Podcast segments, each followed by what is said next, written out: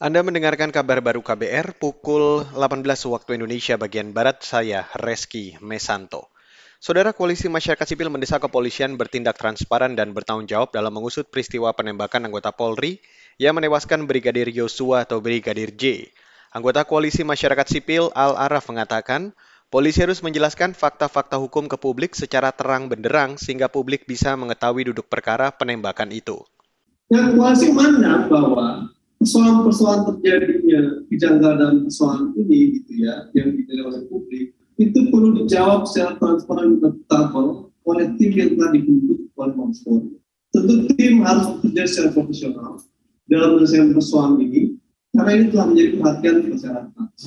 Aktivis Koalisi Masyarakat Sipil Al-Araf mendorong Kapolri Listio Sigit Prabowo membuka kasus kematian Brigadir J secara terang benderang sesuai permintaan Presiden Joko Widodo. Menurut Al-Araf, kejelasan peristiwa itu menjadi taruhan dan profesionalisme kerja kepolisian.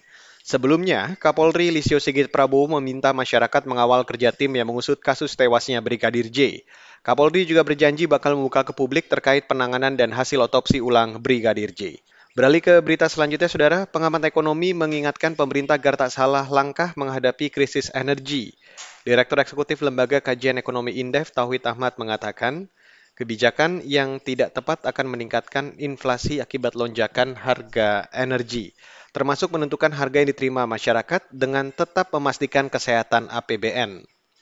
Termasuk polisi subsidi yang e, nanti juga akan kita diskusikan karena ternyata perkiraan subsidi bisa jebol. Kemudian yang kedua adalah tampaknya beberapa eh, skenario-skenario kenaikan uh, subsidi sudah mulai diterapkan maklum kita sudah memaklumi bahwa di LPG 3 kg saja eh, tampaknya memang apa yang diharapkan untuk subsidi tepat sasaran tidak kunjung terjadi. Direktur Eksekutif Indef Tauhid Ahmad menambahkan saat ini nilai tukar rupiah mengalami depresiasi hampir 5 persen.